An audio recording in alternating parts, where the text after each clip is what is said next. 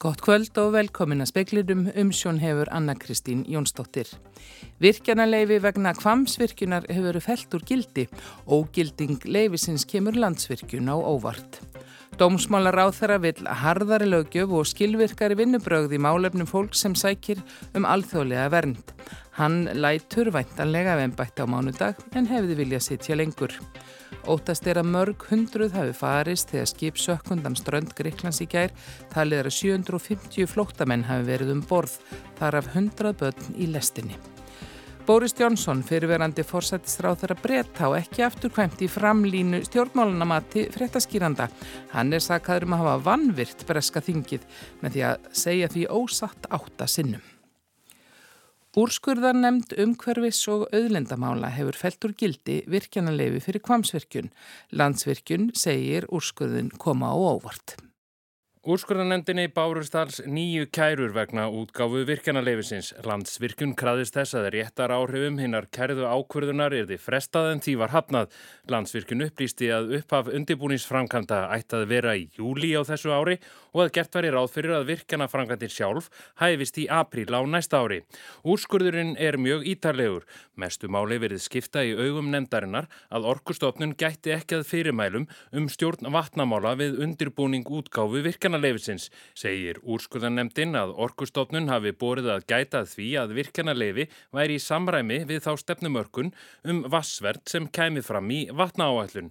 Nemdin segir að tilletni hafi verið til mun nánari aðtögunar í ljósi umfangsframkvættarinnar og þeirra umhverfis áhrifa sem hún hafi í förmið sér. Skortur og gögnum eða stefnumótun get ekki leist stjórnvöld með svo afgerandi hætti undan skildum sínum að lögum.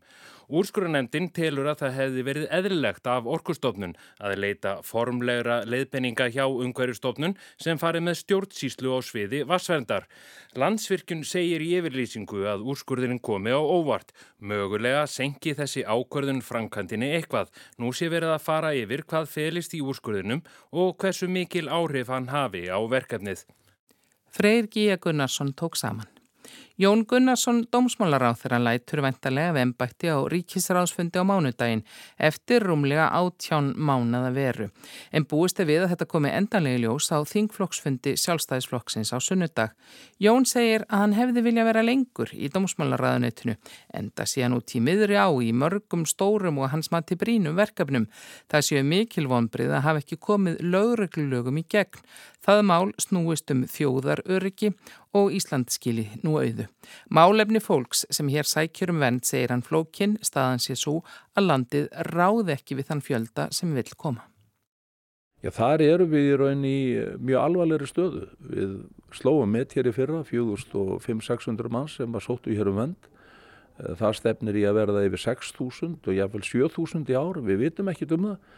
Við vitum það bara til að mynda frá Venezuela og jafnmarki komnir núna eða fleiri komnir núna og kom allt árið í fyrra. Við erum auðvitað með breyttalögjöf sem að að býta í sumar. Hún dögar ekki til. Við þurfum að breyta vinnubröðum samhliða svona strángari lögjöf og það er eitthvað bara sem við verðum að fara að horfast í augu við að 400.000 manna þjóð. Hún ræður ekki við þetta. Uh, ef þú hverfur hérna úr þessu ráðaniti á mánundaginn, hvern, hvernig sér þið fyrir því framhaldið á alþingi? Ég held að sé ekki tímabært að vera neitt að velta því fyrir sig hvað ég gerir þegar ég verð stór. Að þú ætlar að halda áfram á alþingi? Já, já, ég er kjörun alþingismadur. Mm, sér þið fyrir þér að taka við nefndarforminu sko? Það er, hefur ekkert verið rætt á vettfangið þinglósins. Sagði Jón Gunnarsson, Jóhanna Vigdís Hjaltadóttir talaði við hann.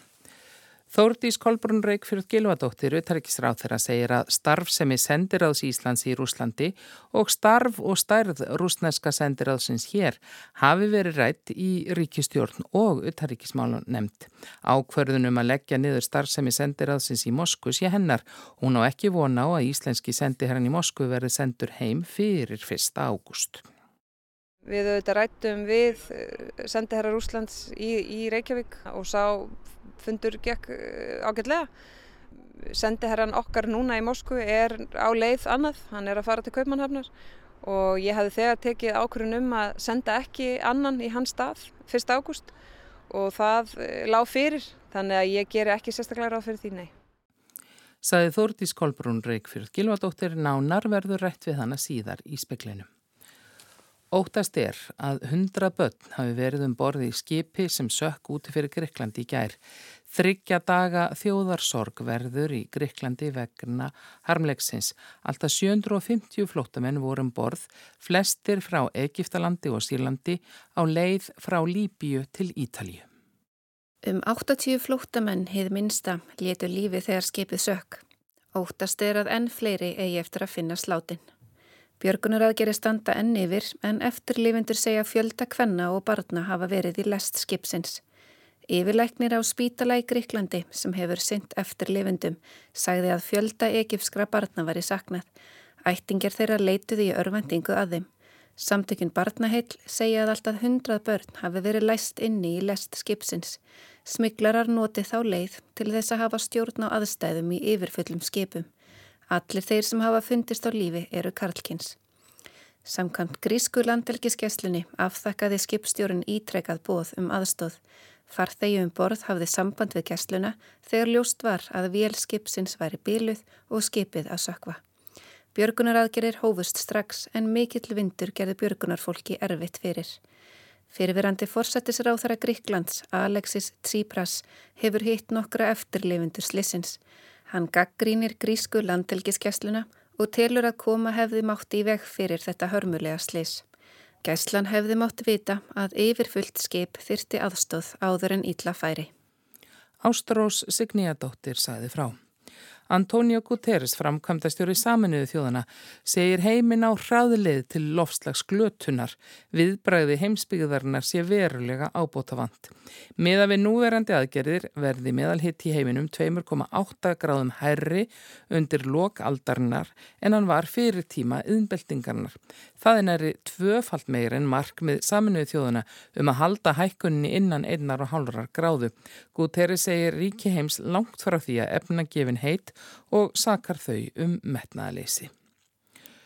Skóla og frístundasvið Reykjavíkur og skólastjórar í borginni hafa rætt um að banna snjálfsímanótkun batna á skólatíma en grunnskólar í borginni verða þó ekki símalöysir fyrir haustið.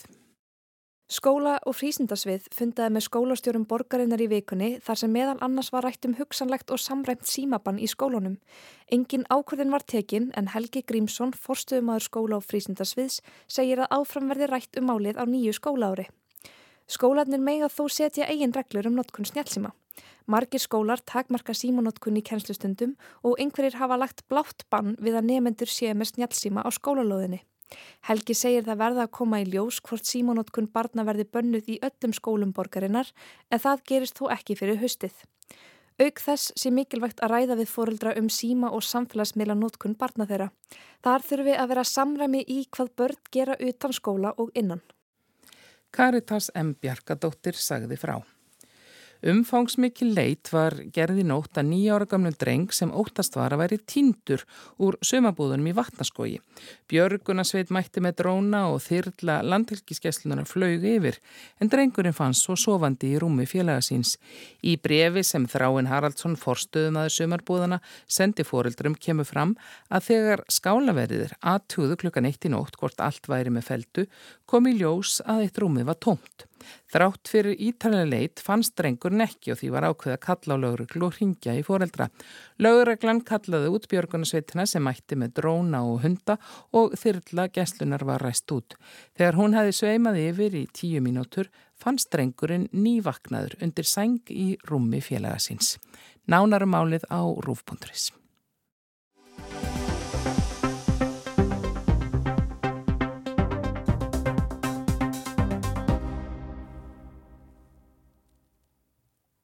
Á þessum degi fyrir einu ári var Boris Johnson hæstraðandi til sjós og lands í Breitlandi, forsættis ráð þeirra sem reði nánast öllu sem gerðist utan þings sem innan með 80 manna þing meiri hluta.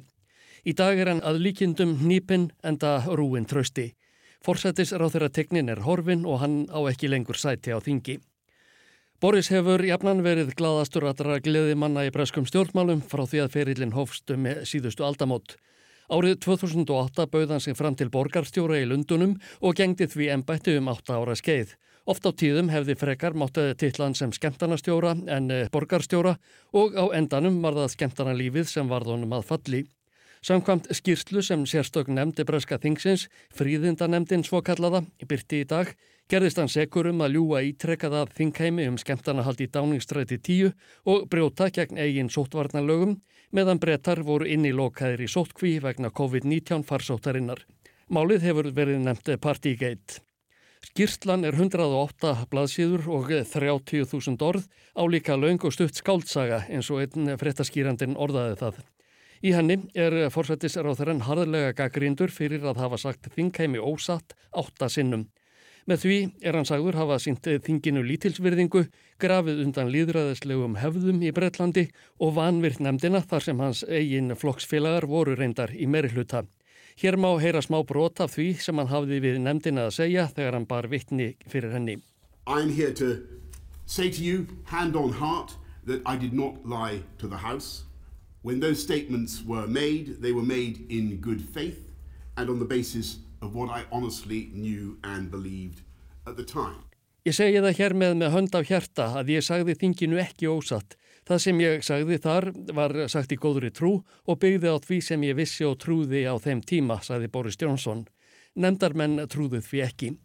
Við komumst að þeirri niðurstöðu að með því að villa vísvitandi fyrir neðri málstofu Breska Þingsins hafi Boris Jónsson sínt því vannvirðingu með alvarlegum hætti, segir meðal annars í skýrslunni. Vannvirðingin var þeimun alvarlegri þar sem forsættisráþarann, aðsti fulltrúi ríkistjórnarinnar, síndi hann af sér. Þessi framkoma á sér engin fordæmi. Rob Watson, þingfrettamæður Breskaríkis útvarpsins BBC, hvaðst hafa lesið sér til í bókasafni þingsins og ekki fundið neyn merki þess að nokkur á þeirra hefði nokkru sinni gerst sekur um aðræðins ligar og vannvirðingu og Boris Johnson. In a thousand years nearly of British parliamentary history, no minister, either serving or former, prime minister or lower, has ever been on the receiving end of, of such an astonishingly uh, damning report. Hátt í þúsund ára sögu breska þingsins fann ég engin merki þess að nokkur forsættisráþæra eða almennur ráþæra, sitjandi eða fyrverandi, hefði fengið á sig aðra eins ágjöf, saði Rob Watson. Fríðindanemdin ætlaði að leggja til við þingið að Boris Johnson erði sendur heim í þrjá mánuði fyrir ósansöglina. Hann tók hins vegar ómakið af þingmönnum með því að segja af sér á sunnudagskvöld eftir að hafa lesið uppkast að skýrslunni að því er talið er. Í yfirlýsingu saðist hann vera fórnarlamp Nornaveiða fríðindanemdarinnar. Hún væri uppfull af Brexit-andstaðingum og hefði í hemdarskinni ákveðið að bóla sér af þingi. Stjórnmálaskýrendur í Breitlandi telja að ferill Bórisar í fóristu sveit íhaldsflokksins sé liðinn. Hann á sér þó vitaskuld en stuðningsmenn jæmt utan þings sem innan. Eitt þeirra er þingmaðurinn Michael Fabrikant sem metur sem svo að þingnefndin hafi farið langt fram úr sér. Það eigi eftir að koma í ljós þegar tímar líða að hún hafi haft ránt fyrir sér. None of us are perfect. There are good and bad in everyone and my view is that, you know, he was a man or is a man of great vision. Ekkert okkar er fullkomið. Það er eitthvað gott og slemt í okkur öllum. Ég var og er þeirra skoðunar að hans sé maður með mikla framtíðarsín, saði fabrikant í útvarpsviðtali þegar skýrslan var gerð opimber. Rob Watson sem fyrr var vitnaði segir að fólk skiptist í tvö horn í afstöðu til Borisar Johnsons. Annars vegar segir fólk að en einu sinni sé ráðist að gamla góða Boris til að eidilegja pólitiska framtíðans. Andstæðingar hans segi að hann sé óborganlegur ligalöpur sem aldrei hefði átt að gegna jafn háum embættum og honum hafi hlottnast. James Johnson, skoðanakonnuður og fyrverandi ráðgjafi Theresa May, fyrverandi fórsættisráþara, segir að tími hans sé liðinn. Einungis 17% breyta líti hann í ákvaðum augum, 62% neikvaðum. Hann sé óvinnsætli hann Xi Jinping, engvaldur í Kína. The public made up their mind on Boris Johnson quite a long time ago when those Partygate uh, revelations first came out and they decided he lied then and they haven't changed their mind since. Fólk gerði upp hugsin fyrir löngu, sagði James Johnson í viðtalið við Sky fréttastofuna. Það gerðist þegar upplýst var um Partygate málið á sínum tíma. Það áttaði sig á að hann laug þá og það hefur ekki skipt um skoðun síðan. Ásker Tómasson saði frá.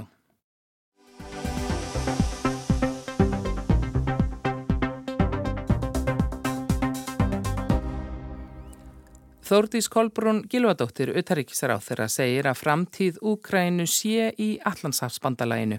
Það er verði sterkara með Úkrænu innan bors.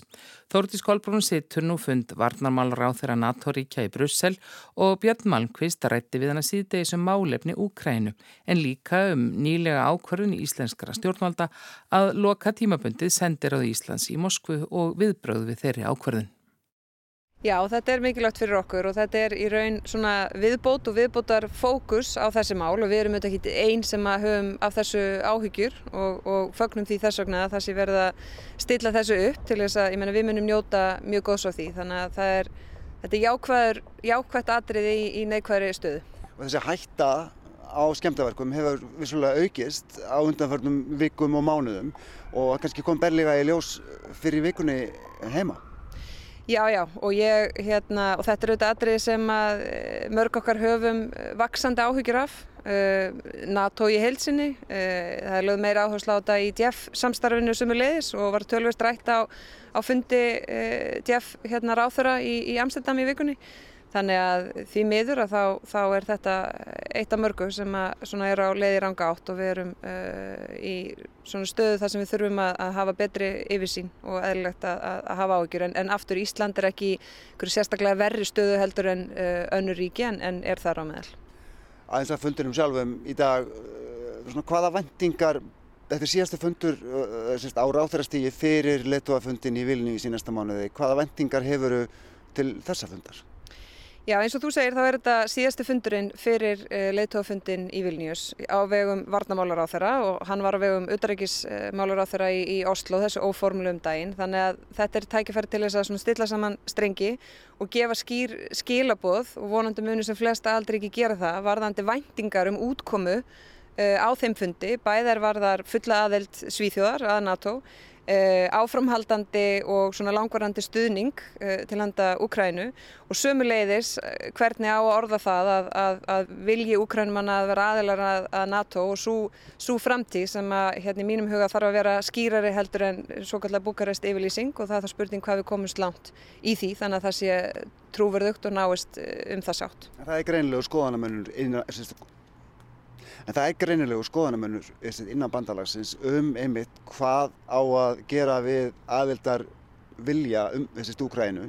Það eru þjóðir sem að vilja reynd og beint að þeir verði aðilar að bandalaginu. Aðrir eru meira híkandi, til dæmis bandarækjumenn. Hver er afstæði Íslands? Já sko við höfum auðvitað sagt að þau ríki sem að bera helstan þunga af þessu öllu saman. Að sjálfsögur hlustu við á það sem þau segja. Hins vegar er alveg ljóst að það vita það líka allir að Úkræna er ekki á leiðin inn í NATO núna. Þau vita það sjálf og það er ekki svar við þessar spurningu að, að það sé erfitt á meðan að hérna, þau, það er stríð inn í landinu. Eh, en framtíð Úkrænu er í NATO og ég er þeirra skoðunar að, að, að framtíð NATO sé sömulegis örugari með Úkrænu þar inni og núna ertu einfallega sömulegis með auðvitað, land þar sem að hérna, herin hefur, sko, er, er, er gríðarlega stór og mikil þjálfun þannig að fyrir þau lönd sem er þarna alveg næst þau líti ekki á það sem byrði að Úkræna verði í framtíðinni hluta NATO heldur sem mikil viðbót sem gæti hérna uh, gagnast ef eitthvað fyrir úrskeiðis. Það er talað um það núna að Úkræni sé mögulega með já, sterkasta herin í Evrópu um þessa myndir. Já, hann er allavega mjög vel hérna, virkjaður og mikil þjálfun á, á öll, öll þau uh, vopn og svo framvegist þannig að það er, það er alveg hægt að, að hérna, halda því fram að staða þeirra sé tölver sterk og það kemur til að villu en, en hérna, svo fjárfestingu þetta fer ekkert. Eitt að lókum, uh, það var eitt um ákverðin Ísland sem að loka sendiráðinu í tímabundið í, í Moskú að fundi sem við átti með dörgisáþurum frá Norðurlundunum. Uh, það er vantilega eitthvað minnst á þetta hér þótt að hér séu vartamálaráþeirar. Svona, svona viðbröðun við þessu sem að þú hefur upplifað hjá kollegum, hver eru þau?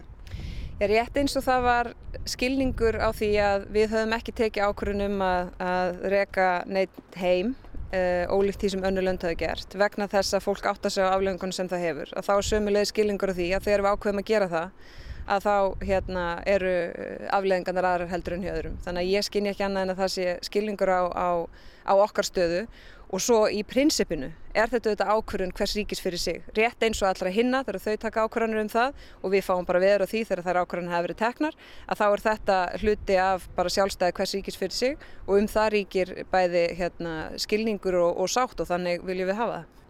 En það hefur komið fram gaggrinni til dæmis í fjölmiðlum heima að, að þú hefur til dæmis ekki haft samráð við auðverkismannulegnd altingis uh, um þessa ákvörðun. Já, við höfum uh, oftar en eins og tviðsvar á almennu nótum rætt um uh, starfsemi bæði okkar í Moskvu, uh, starfsemi rúsneska sendiráðsins í Reykjavík, stærð þess, stöðu og svona hvað framtíðin geti falið í sér, hvað það varðar. Þessi ákvörðun hins vegar eh, er auðvitað mín en hún er bæði borin upp í ríkistjórn og það rætt og sömu leiðis rætt inn í, í, í auðvitaðrækismálulend og, og heilt yfir höfum við átt mjög gott og náið samstarf auðvitaðrækismálulend og rík upplýsingaskipti. Býstu við því að rúsar bregðist við á einhvern annan hátt en þú kannski áttu von á til dæmis með því að senda okkar sendi þeirra heim fyrr en hann ætti að fara? Ég ger ekki sérstaklega ráð fyrir því. Um, við auðvitað rættum við uh, sendiherra Rúslands í, í Reykjavík og, og, hérna, og sá fundur gekk uh, ágætlega. Um, sendiherran okkar núna í Moskvu er á leið annað, hann er að fara til Kaupmannhafnar og ég hefði þegar tekið ákvörðun um að senda ekki annan í hans stað uh, 1. ágúst og, og það lág fyrir þannig að ég ger ekki sérstaklega ráð fyrir því nei saði Þórdís Kolbrún Gilvadóttir.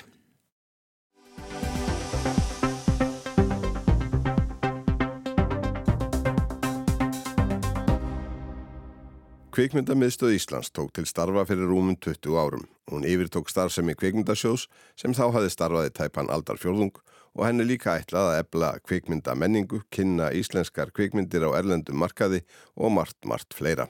Gísli Snær Erlingsson, kvikmyndagerðarmadur og fyrirverandi rektor London Film School er nýráðinn forstöðumadur kvikmyndamistöðar.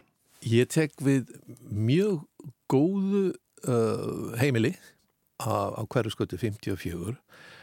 Þetta er uh, mjög uh, svona busy staður, vinnustadur og við höfum ekki mörg sem er með þarna en það er svona oft eins og verða vill á Íslandi þar, þar er fólk með marga hatta vegna þess að það þarf að sinna ansi mörgumálum og þetta eru mikla breytingar uh, sem hafa orðið á frá því að ég man eftir svona 1990 eitthvað. Um, og, og faktist er saga miðstöðurinnar uh, svolítið skemmtilega því hún auðvitað var fyrst bara skúfa í mentamálaráðunitinu og var síðan að skrippborði og, og svo nú náttúrulega bara síðustu 23 árin faktist hefur uh, miðstöðin verið að, að vaksa með auknu fjármagni og með auknu fjármagni eru náttúrulega fleiri uh, myndir og sjómasverk um, gerð. Þannig að uh, þetta er mjög uh, skemmtilegt og, og afskaplega aktífur vinnustafur þetta er náttúrulega kvikmyndamiðstöðin með ansi mörg hlutverk. Eh, það er kvikmyndamenning, það er kvikmyndalæsi, það er græn kvikmyndagerð, fjölskylduvann kvikmyndagerð og svo framvegis, en það er auðvitað kvikmyndastefna sem er mjög fín kvikmyndastefna sem var gerð fyrir nokkurnu árum. En auðvitað stærsta hlutverk og, og, og svona mestu áhrifin sem kvikmyndamiðstöðin hefur er auðvitað að hafa umsjón með þessum sjóði, kvikmyndasjóði sem að bæði styrkir heimildamindir, stuttmyndir, leiknar, langarmyndir og, og svo vitanlega líka sjómasverkin sem hefur mikil sprengja mikil aukning í, í framlýslá. Styrkur úr kvikmyndasjóði er oft forsenda þess að hægt sé að byrja á verkefni og sækja síðan meira fjármagn út fyrir landsteinana í framhaldinu. Í ár er um 1 miljardur króna til skiptana og þótt það sé umtalsvert fjö þá eru verkefnin fjölmörg og samkeppnin um fjármagnið eftir því hörð. Sem forstöðumöður kvikmyndamiðstöður er það gísla að taka endanlega ákverðunum það að fengnum umsögnum sérfræðingastofnunarinnar hvaða verkefni fá styrk og hver ekki. Hann segir mikið líf í bransanum og fjölmargar og mjög fjölbreyttar umsóknir um afar góð verkefni til skoðunar. Og það er, það er svolítið svona gleðilegt vandamál faktist að hafa að, þú ert þá núna komið, þú ert ekki að velja verkefni bara því að það er bara eitthvað eitt eða tvent. Heldur eru ábúrslega mörg verkefni og, og, og svo uh, matið eru þetta gert eftir gögnum sem er skilað inn og þau gögn eru vitanlega hugaverki sem er þá handritið en, en, en greinagerð þá frá framleiðenda og jafnvel leikstjóra e, e, skiptir gríðarlega miklu málu vegna þess að í hverskipti sem við lesum svona hugaverk alveg sem er bækurna þá sjá alltaf okkar eigin mynd. En að fá uh, umpjöllun og greinagerð frá þeir sem alltaf gera myndina skiptir höfu máli og ég held að, að það sé svolítið svona aðeins að að uh, ég segjum ekki alveg að breytast en, en, en greinagerðinir er að verða betur og betri vegna að, að það er skipta svo miklu máli að því að það eru gögnin sem við erum að meta. Nýleg lögjöfum endur greiðslur vegna kvikmyndagerðar hefur leitt til stóraukins áhuga erlendra kvikmyndaframleðenda á að gera myndir sínar hér. Þessi þróun hefur óneitanlega mikil áhrif á íslenska kvik- og sjónvarsmyndagerð og hefur meðal annars leitt til þess að hér hafa sprottið upp fullvaksinn kvikmyndaver, eitt af öðru og fleiri eru í bígerð. Gísli segir þetta fagnaðar efni. Þegar að ég var að gera bíómyndir þá var það yfirleitt mikil höfverkur en að finna eitthvað, eitthvað gamla verksmiðu sem að, að þið farið jafnvel á hausinn. Og við gáttum uh, mókað út ríki og drullu og, og, og byrjað að byggja svona sett. Og munun á því sem er verið að bjóða upp á í dag og þá er gríðalugur og, og ég held að þetta sé líka bara speilmynd af vaksandi atvinnugröin og erum að munna það að ég, ég held að tala sér eitthvað kringum 3000 mann sem að vinna við kvimleikjar við um 380.000 manns, það er 3000 manns. Þetta er, þetta er vaksandi og, um, og, og, og hér er komin mikil, mikil kunnáta og þessi ellendu verkefni sem að eru uh, hafa verið að koma inn hafa að sjálfsögðu leitt til þess að, að fólk uh, gerir hlutina betur. Það er bara þannig með alla skapanir greinar því ofta sem að gerir hlutina því svona betri verðmar uh, að gera það.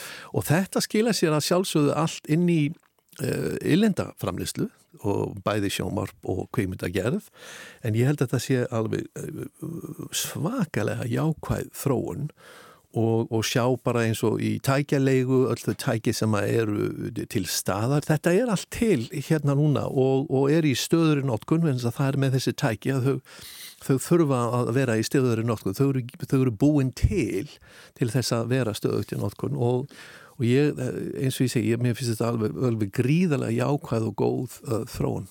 Fyrsta íslenska kveikmynda vorið eins og það hefur verið kallað var 1980 og það hefur vorað nokkur sinnum síðan en hvar stendur íslenska kvikmyndin í dag? Þegar ég var að ferðast að kvikmyndahátti 1995 alveg til 2000 þá var það oft hannig að við þurftum svolítið mikið að hlaupa á eftir fólki og reyna að draga fólk inn á kynningabásana og svona, svona leita eftir því að, að fólk kannski myndi líta á verkin sem er að koma hérna. Í, í dag er þetta allt, allt annað. Það er, það er komið alveg gríðarlega mikil sambönd sem hafa verið, verið að byggja upp síðustu 20 árin og það var virkilega gaman, núna er, er kannkveikmyndaháttíðin eh, nýliðin þar sem ég sá enga mynd vegna þess að, að, að faktist er maður þannig ekki út af, uh, út af keppninni sjálfur heldur er þetta líka, er líka markaður það sem er verið að, að selja myndir og svo er alls konar eh, vinnustofur og, og, og fundir og, og þáttaka í, í evróskum samböndum.